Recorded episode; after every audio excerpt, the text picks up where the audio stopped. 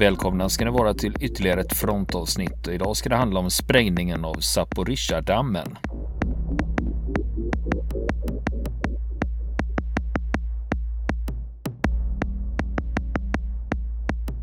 Ja du Niklas, eh, Zaporizjzja-dammen, det uttalar jag det rätt förresten? Ja, det gör det. Det är godtagbart. ja, det är inget ja. jag har hört talas om kan jag ju säga med en gång. Nej, vi ska, vi ska prata om en dammsprängning i uh, Ukraina. Fast det är inte den som är på allas, uh, i allas tankar just nu. För det har hänt förut. Men vi ska ju säga som så här då att uh, dammar det är ju en av de största byggnadsverk som människor skapar. Och med det så innebär det att när man förstör dem så släpper man loss enormt destruktiva krafter också. Och det händer ju då och då i krig. Att dammar blir förstörda. Så en av de mest kända eh, för militärhistoriskt intresserade är ju eh, The Dambusters, alltså eh, RAFs eh, bombräder för att spränga eh, några dammar i Rurområdet under andra världskriget. Mm ja, den här veckan då vi spelar in det här avsnittet, då har det ju varit stora svarta rubriker om att en jättedamm har sprängts i södra Ukraina i floden Dnepr som ryssarna kallar den och Dnipro som den heter på ukrainska. Eh, och det är ju dammen Nova Kachovka som är en av världens största dammar. Eh, och den ligger i Chersonområdet då. Eh, och, södra delen då? Jajamän, och den har ju eh, både staden Nova Kachovka då som eh, eh har inte fullt 50 000 invånare i fredstid. Och dammen har varit ockuperade av ryska armén sedan invasionens början i princip. Det var väl någon gång redan i februari-mars då som ryska trupper intog den. Februari-mars förra året alltså. Och den 6 juni i år så brast dammen och eh, troligen sprängd av, eh, av ryska trupper av taktiska skäl. Eh, båda sidor skyller ju på varandra just nu i det här ögonblicket då vem som eh, har, eh, är största boven då. Vem som är den skyldiga till att dammen har, har sprängts. Eh, men eh, det är militärt taktiskt sett så är det den ryska armén som har mest att tjäna på det. Och eh, ja, vi brukar inte uppehålla så mycket vid dags, det dagsaktuella på det sättet, men, men ändå, det, det, är, ju, det är ju intressant liksom att det, det, handlar ju i det här fallet då om att det är bra att ha hinder i geografin på sin sida om man är försvarare. Eh, och kan man översvämma stora områden så har man ju skapat en väldig vallgrav som de, de ukrainska trupperna inte kan gå över. Eh, och med det då i sin tur så har man ju förkortat sin egen försvarslinje. För där behöver man ju inte ha så många trupper som försvarar det området. Utan då kan man flytta dem någon annanstans där de behövs bättre. Då kan man ju förtäta en, ett mer utsatt avsnitt av, av, eh, av sin försvarslinje på det sättet. Och det är väl förmodligen det som, eh, som eh, de eh, ryska generalerna har i kikaren i och med detta.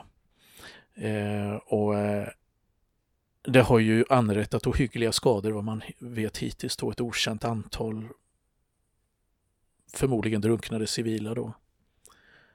Ingen förvarning när dammen sprängdes. För det förutsätter vi i alla fall att den gjordes i den här podden. Eh, och eh, ja, och ända sedan i höstas så har militära bedömare varnat för att ryssarna eh, kan tänk, tänkas komma att spränga dammen. Och det är precis det som verkar ha hänt just nu. Eh, den dammen har ingenting med andra världskriget att göra för den byggdes på 50-talet, eh, fortfarande under Stalintiden. Eh, men som sagt en gigantisk historia då som, eh, som eh, är en av sex stora dammar i Dnipro, i floden Dnipro.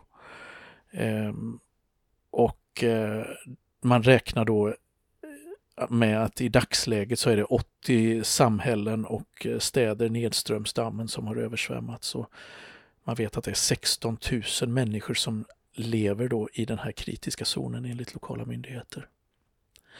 Men det är inte den dammen som vi ska prata om, för den är den, eh, vi ska prata om en sak som hände under andra världskriget.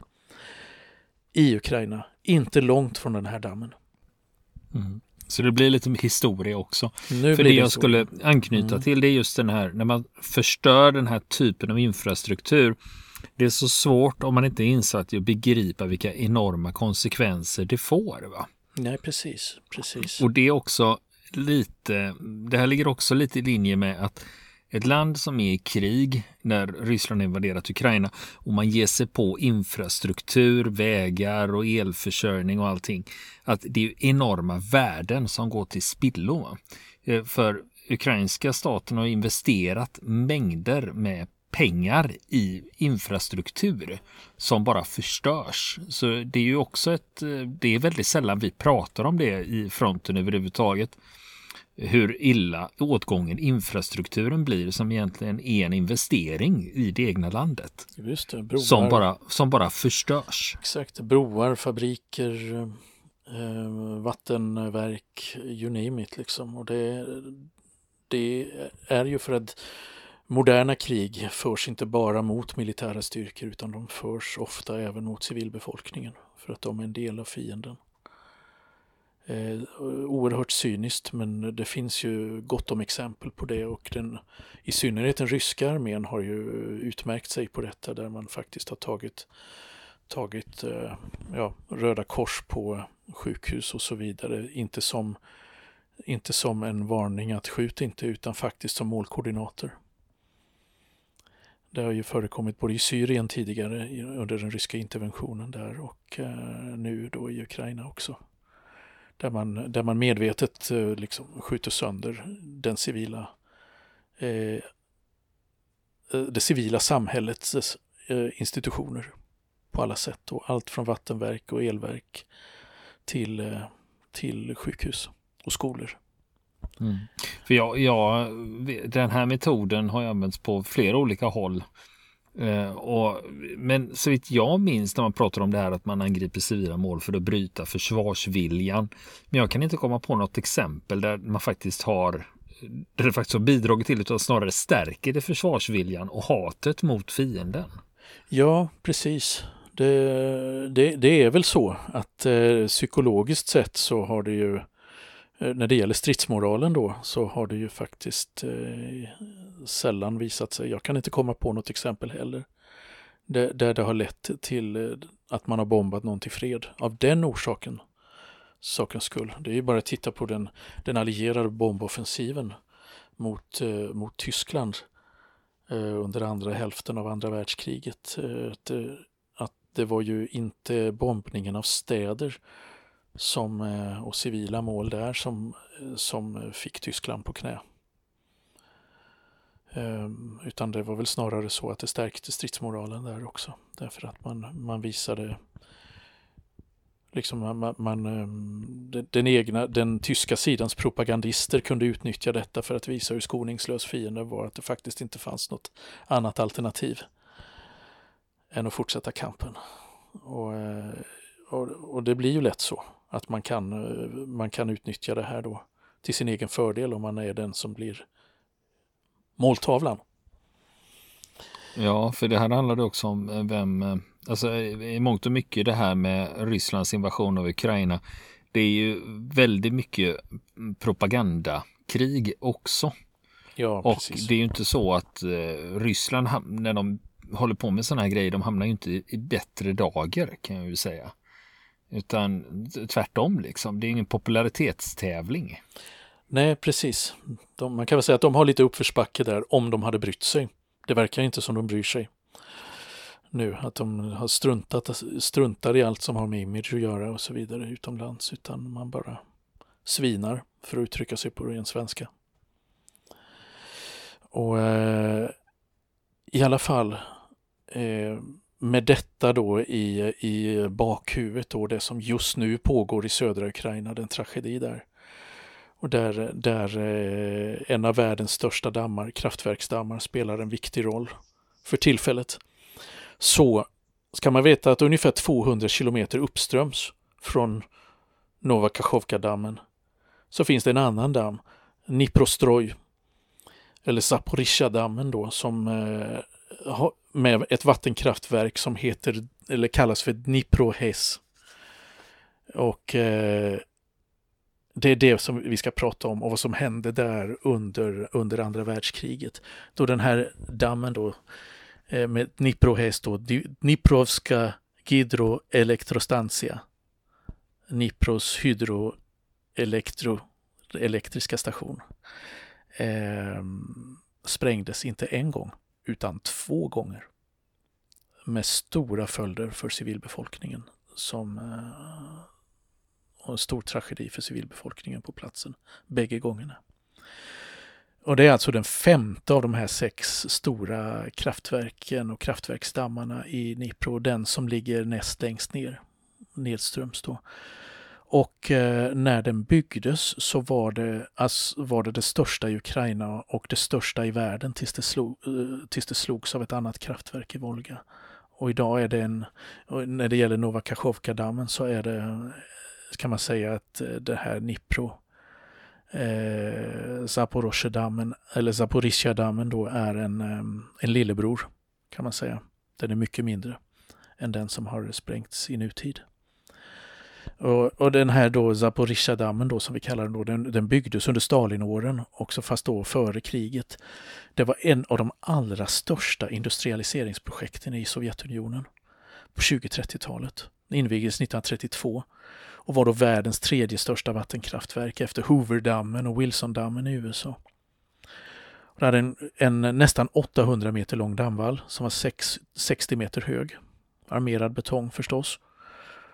Och eh, vid sidan av dammen då så fanns det då flera hundra meter breda kraftverksblock då på var, varsin sida eh, om det här så att eh, den var ju mycket längre än eh, 800 meter kan man säga, dammen. Och eh, tre kilometer bred eh, damm, 60 meter djup. Bred eller lång, jag vet inte vad man säger om sjön där. Eh, tre kilometer lång ska det nog vara då och 60 meter djup. Och, eh, och då en vattenspegel på liksom eh, upp till över 400 kvadratkilometer. Och orsaken till att man byggde den här kraftverksdammen då eh, Eh, för att den var välkänd i hela Sovjetunionen på den här tiden då. Alla kände till den för det här utnyttjades maximalt i den kommunistiska propagandan. Det var ju alltså en del av Lenins plan då på att eh, elektrifiera landet. För det här var ju liksom ett Eh, eh ett bondeland som var väldigt eh, eftersatt eh, vid den tiden då när, när bolsjevikerna, kommunisterna, tog makten 1917. Och det var meningen då att det skulle leverera eh, ström då till, till de stora industriområdena Kriviri, Krivoj som det heter på gamla ryska kartor och, och Donbass då.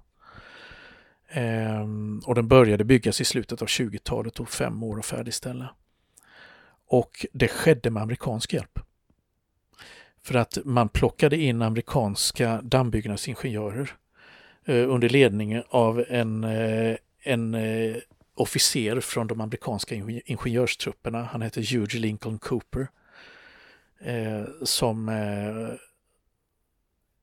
han och hans med, amerikanska medarbetare de, de placerades alltså i en lite nybyggd stad som var isolerad från omgivningen då med tennisbana och golfbana och alla andra eh, eh bekväma anläggningar och så vidare, helt isolerade från resten av befolkningen då i, i den här diktaturen då som, eh, ja om man ska jämföra med någonting så är det med dagens Nordkorea eh, i hur eh, det totalitära trycket såg ut på den tiden, förtrycket i, i Stalins Sovjetunionen.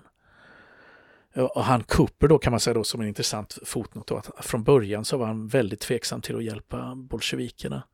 Eh, för Sovjetunionen var ju paria internationellt sett på den tiden. Det var inte många nationer som ville ha med Sovjetunionen att göra. Och han var ju väldigt tveksam av sådana orsaker till att åka dit.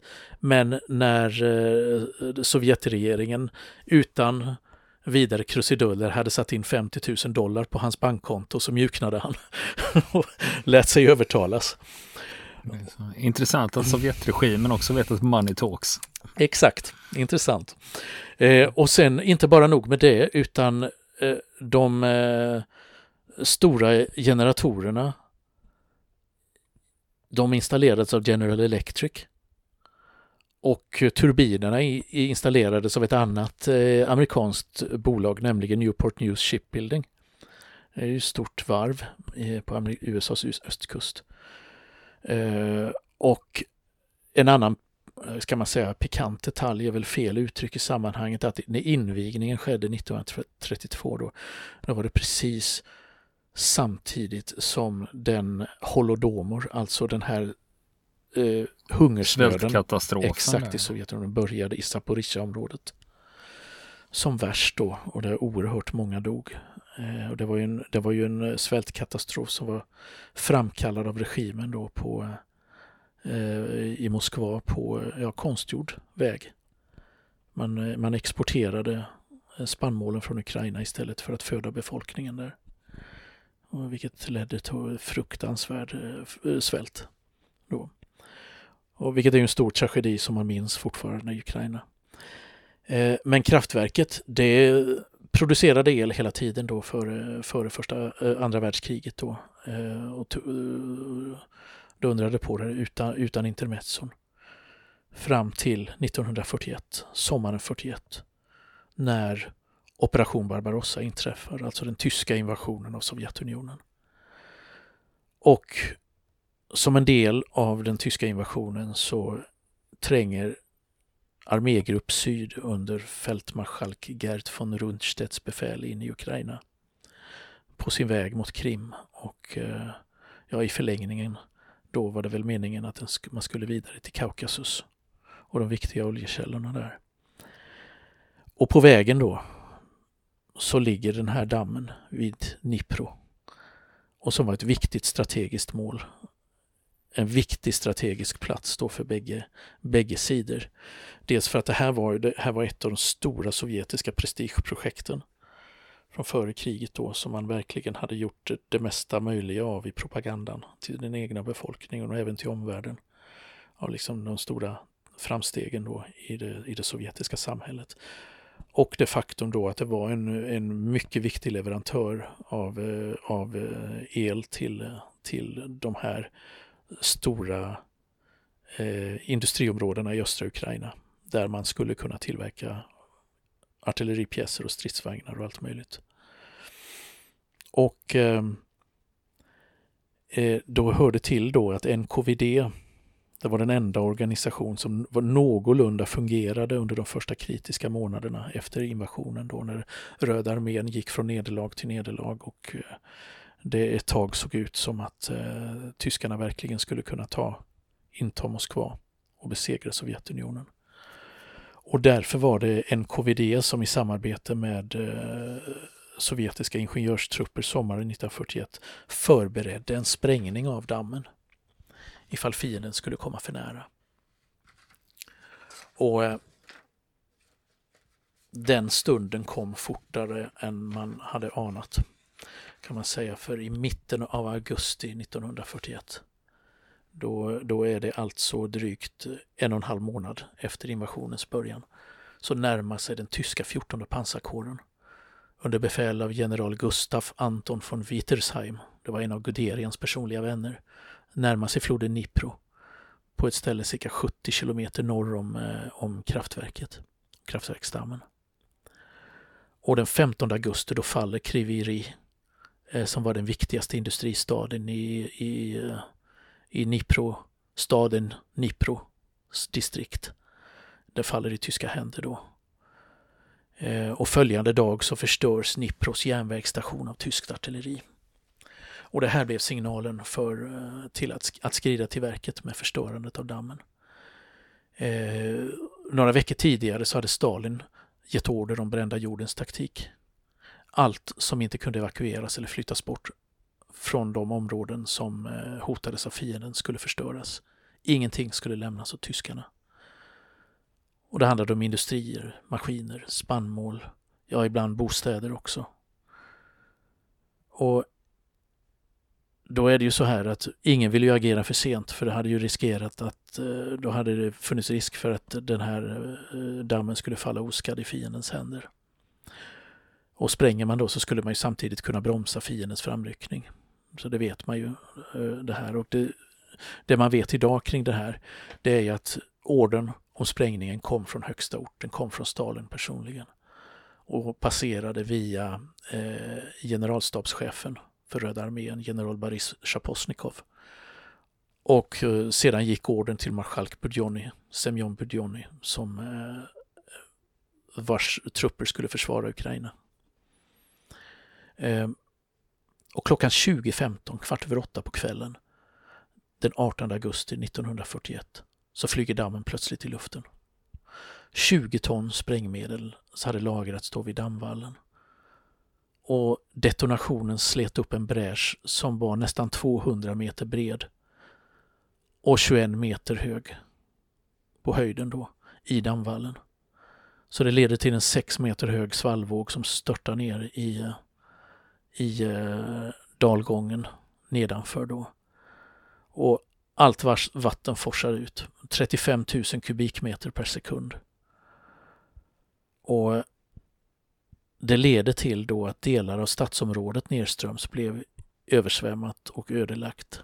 Ett varv, flera verkstäder, fabriker och lagerbyggnader dränktes. Och människor som bodde i närheten eller som arbetade på de här fabrikerna och varvet och så vidare drunknade eller sveptes bort av flodvågen. Och NKVD hade inte gett någon förvarning till civilbefolkningen. Eller heller till Röda armén och Röda arméns staber och kommendanturer i området. Och det fick till följd att eh, trupper ur Röda armén, patruller ur Röda armén arresterade några av sprängkommandots medlemmar som misstänkta sabotörer. Man trodde alltså att det var tyskarna som hade sprängt dammen. Och de här eh, medlemmarna av sprängkommandot då, de släpptes först efter ett telefonsamtal från NKVD. Ehm, och detonationen förstörde även maskinrummet på kraftverket och de här gigantiska amerikanska generatorerna. Eh, vilket då fick till följd att strömmen föll bort i hela distriktet runt om där alla fabriker i Zaporizjzja och eh, i stora delar av Donbass mörklades då. Och det är oklart, det är fortfarande idag en omdiskuterad fråga hur många människor som omkom vid den här dammsprängningen. Och det finns bara uppskattningar då, för ingen utredning gjordes efteråt. Och eh, de flesta eh, beräkningarna de ligger på någonstans mellan 80 och 120 000 döda. 80 000 och 120 000 döda. Och av dessa så tror vissa forskare då att 20 000 var soldater ur Röda armén som inte hade hunnit retirera till östra sidan av Dnipro. Eller som drogs med i vattenmassorna. Och eh, orsakerna då, en av orsakerna, kanske den främsta orsaken till att det just är besvärligt att ta reda på det exakta antalet offer är just för att Ukraina har varit utsatt för så många tragedier under en väldigt kort tid. Då. Först holodomor, sen Stalins terror och sen efteråt den nazistiska ockupationen vilket liksom har ställt till kaos med befolkningsstatistiken eh, i Ukraina. Så det är nästan omöjligt att reda ut vem som dog och av vad. Ehm, alltså i större detalj då menar jag. Eh, och eh, det finns, det finns ett faktor som talar för de allra högsta uppskattningarna då. Eh, av antalet offer. Då, det är att det en sovjetisk skyttedivision som eh, befann sig på en eh, långsträckt och låglänt ö lite längre nedströms. Det var den 274 skyttedivisionen. Kunde fortsätta att försvara sina ställningar eh, på den här ön enligt divisionens egna dokument, trots sprängningen av dammen. Då. Men å andra sidan ska dammvallen då, där det låg en väg ovanpå, ha varit full av retirerande sovjetiska trupper när den flög i luften. Ja, men det här med att jag tycker det är så galet det att man inte förvarnar sin egen trupp. Nej, precis. Eh, eller civil, mm. civilbefolkningen att nu kommer det här att ske. Mm. Just det. det är totalt likgiltigt liksom. Det finns totalt likgiltigt. dödsoffer. Mm, precis. Man följer den order man har.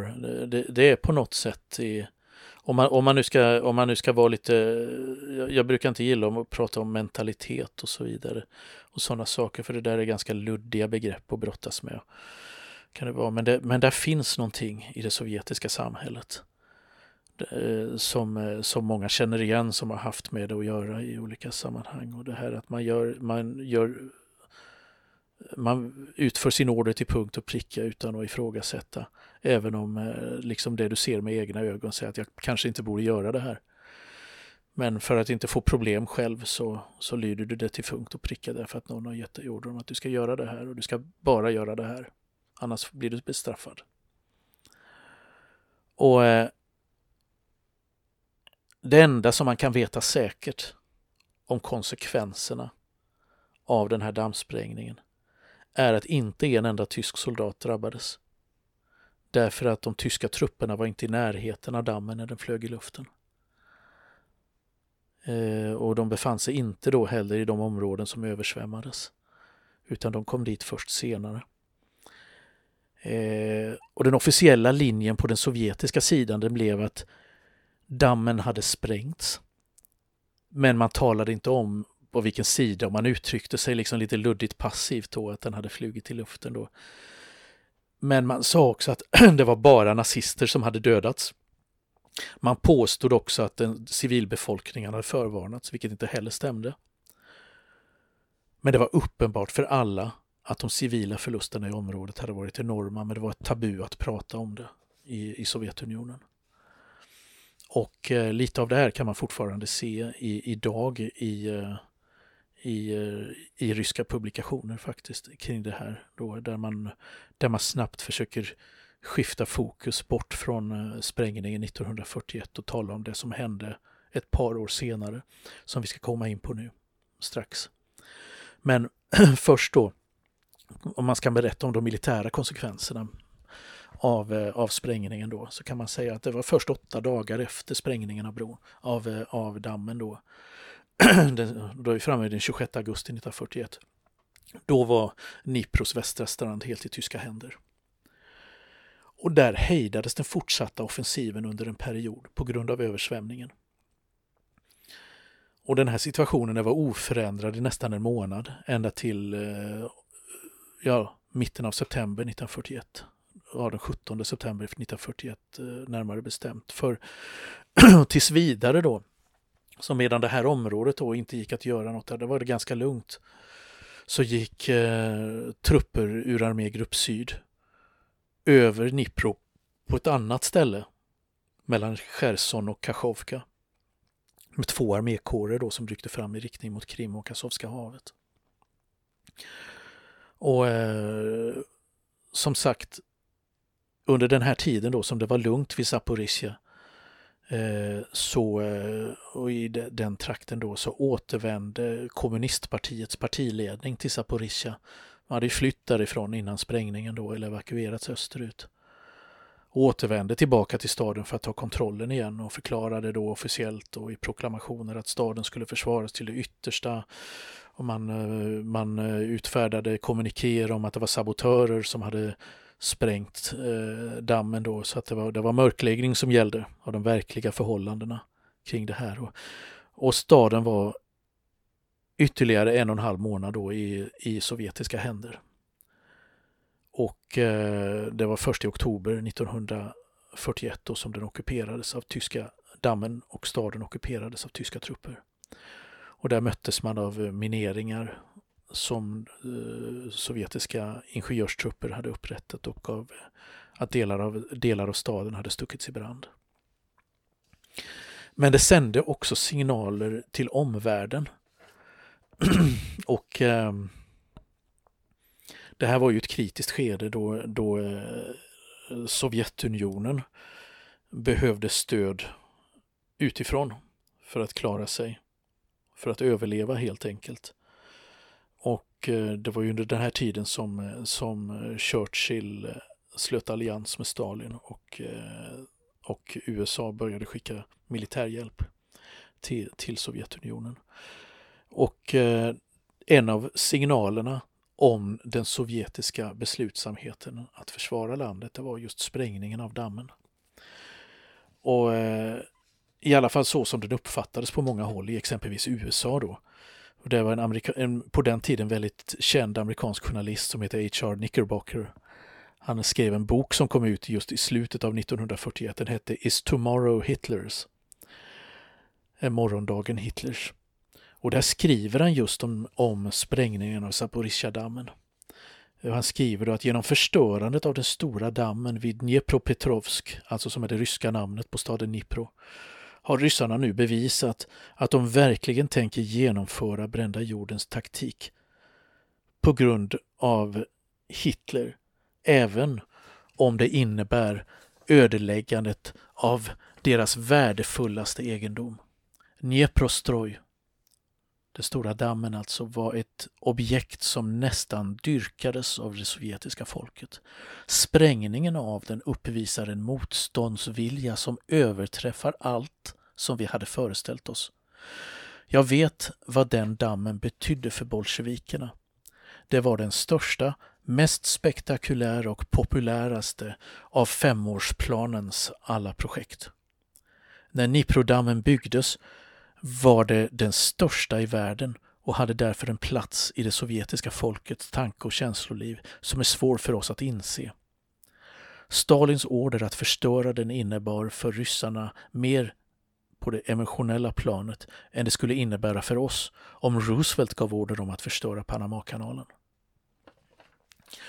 Så att det, det gav gen, det här eh, tragedin gav genklang i omvärlden på det här sättet.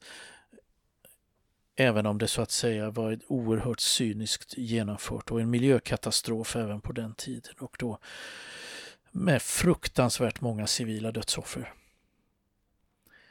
Men när den här dammen då hade hamnat i tyska händer, eller det som var kvar av den rättare sagt, så började snart tyska ingenjörer ur organisation TOT, alltså den organisation som ledde byggandet av eh, av eh, de tyska motorvägarna och som sen hade uppdraget också att bygga Atlantvallen i väster då bland annat. Då, då började de då med ditkommenderad civil tvångsarbetskraft från trakten och ryska krigsfångar att reparera den sprängda dammen och en del av generatorerna. Och generatorerna visade sig vara helt förstörda eh, för, eh, för ryssarna. De hade ju inte bara sprängt eh, turbin och generator generatorrummen utan man hade kört generatorerna och stängt av eh, olje eh, försörjningen oljesmörjningen, till, eh, oljesmörjningen då för att få dem att skära, vilket då gick väldigt fort eftersom man körde dem på högvarv. Och, eh, så att man fick ju placera, sätta dit egna eh, generation, gen, tyskbyggda generatorer och turbiner. Ehm, och det här var ju tänkt då att man byggde upp, började bygga upp den så fort. Det, det var ju, berodde ju på att Ukraina, eh, Sovjetrepubliken Ukraina, skulle bli den tyska rikskommissariatet Ukraina. Det skulle ju alltså vara en del av de tyska besittningarna i öster då som, som, eh, som skulle tillhöra Tyskland då som lydrike. Då. Så man hade ju tänkt stanna, behålla de här områdena. Och då behövde man ju den här kraftverksdammen eh, för, eh, för strömförsörjningen. I slutet av 1942 så var återuppbyggnaden klar och man kunde börja producera elektricitet igen men på en betydligt lägre nivå än före kriget. Eh, man hade inte alls kapa samma kapacitet och då när den, när den togs i drift igen då hade kriget börjat gå dåligt för Tyskland. Och efter Stalingrad så började den tyska eh, försvarslinjen pressas tillbaka västerut och eh, snart var floden Dnipro den nya tyska försvarslinjen igen. Eller då stod fronten snarare vid, vid Dnipro igen och här tänkte tyskarna försvara sig. Och en av orsakerna då till att tyskarna skulle försvara sig där till varje pris, det var för att Hitler just ville behålla dammen, den här stora dammen då, eh, vid Zaporizjzja. Så där hade man då ett brohuvud över, eh, över eh, floden Dnipro då på den östra sidan för att skydda dammbyggnaden mot, mot Röda arméns angrepp. Men i slutet av oktober 1943 så var det kört. Då var tyskarna på väg att dra sig tillbaka. Man var tvungna att ge upp brohuvudet. Och då spränger tyska ingenjörssoldater kraftverksbyggnaden. Eh, på order närmast av en general Eberhard von Mackensen. Och man förstör dammvallen igen. Med både sprängmedel och med artilleribeskjutning. och då inträffar en ny flodvåg med katastrofala konsekvenser. Men eh, beräkningarna av antalet eh, civila dödsoffer där, det har jag inte sett några eh, den gången, för den sprängningen skedde också utan, skedde också utan att man förvarnade civilbefolkningen. Eh, och eh, när tysk, sovjetiska historiker och även ryska historiker skriver om dammen under kriget så är det just den tyska sprängningen av dammen som man lägger mest ansträngningar på att beskriva. Medan man eh, är väldigt, eh, ofta lite dimmig kring, eh, kring eh, Stalins sprängning av dammen 1941 och den tragedi som det, det ledde till. Man kan läsa så här att ja, ja, det var en dumhet att göra så och så vidare, men sen går man inte in på det och man byter snabbt ämne. Eh, det är det vanliga när man, när man, när man tittar i de sovjetiska källorna och de, de moderna ryska källorna. Alltså de moderna Kreml-trogna ryska källorna ska vi säga kring det här då. Eh, men som sagt, dammen byggdes upp igen kan vi berätta som avslutningsvis. Den står där än idag. Alltså den, den började byggas upp redan under andra världskriget 1944. Eh, startade det och var färdigt 1950, alltså sex år senare. Eh, och återigen så var det amerikanska General Electric som levererade nio generatorer mitt under det begynnande kalla kriget. Vilket eh, är rätt fascinerande att faktiskt eh, eh, det förekom internationell handel då mellan de två stora supermakterna. Ehm, och det har funnits fortsatt då en körbana på, på dammvallen då, men 2020 så upptäcktes en spricka i den då som ledde till att trafiken på vallen begränsades och man har fortfarande inte hunnit renovera den för kriget har kommit emellan. Ehm, och eh, ja, så så ser det ut. Det här är alltså eh, bakgrunden till att man kan, eh, man kan nicka igenkännande åt det faktum att det har tragedin som pågår i Ukraina just nu, att en, en stor damm, damm har sprängts. Mm. Det har hänt förr. Ja, historien upprepar sig. Men eh, det i samband med det här nyhetsflödet med den sprängningen av dammen som skedde nu denna veckan då i juni 2023 Eh, då varnar man också för eh, kärnkraftverket i Chaporizza eh, som då skulle tydligen skulle ta kylvatten från den här reservoaren. Ja, det är ju ingen som vet i dagsläget när vi spelar in hur det här kommer sluta. Ja. Vi får se. Den som lyssnar på det här om eh, ett år kanske hittar den här podden om ett år och lyssnar på det här avsnittet. Kanske har mer vet mer än vad vi gör just nu. Vill ni komma i kontakt med oss så kan ni göra det via vår Facebook-sida som heter Fronten. Det är inga problem för er att leta er fram där. Eller också så mejlar ni på vår mejladress och det är frontenpodcast.gmail.com.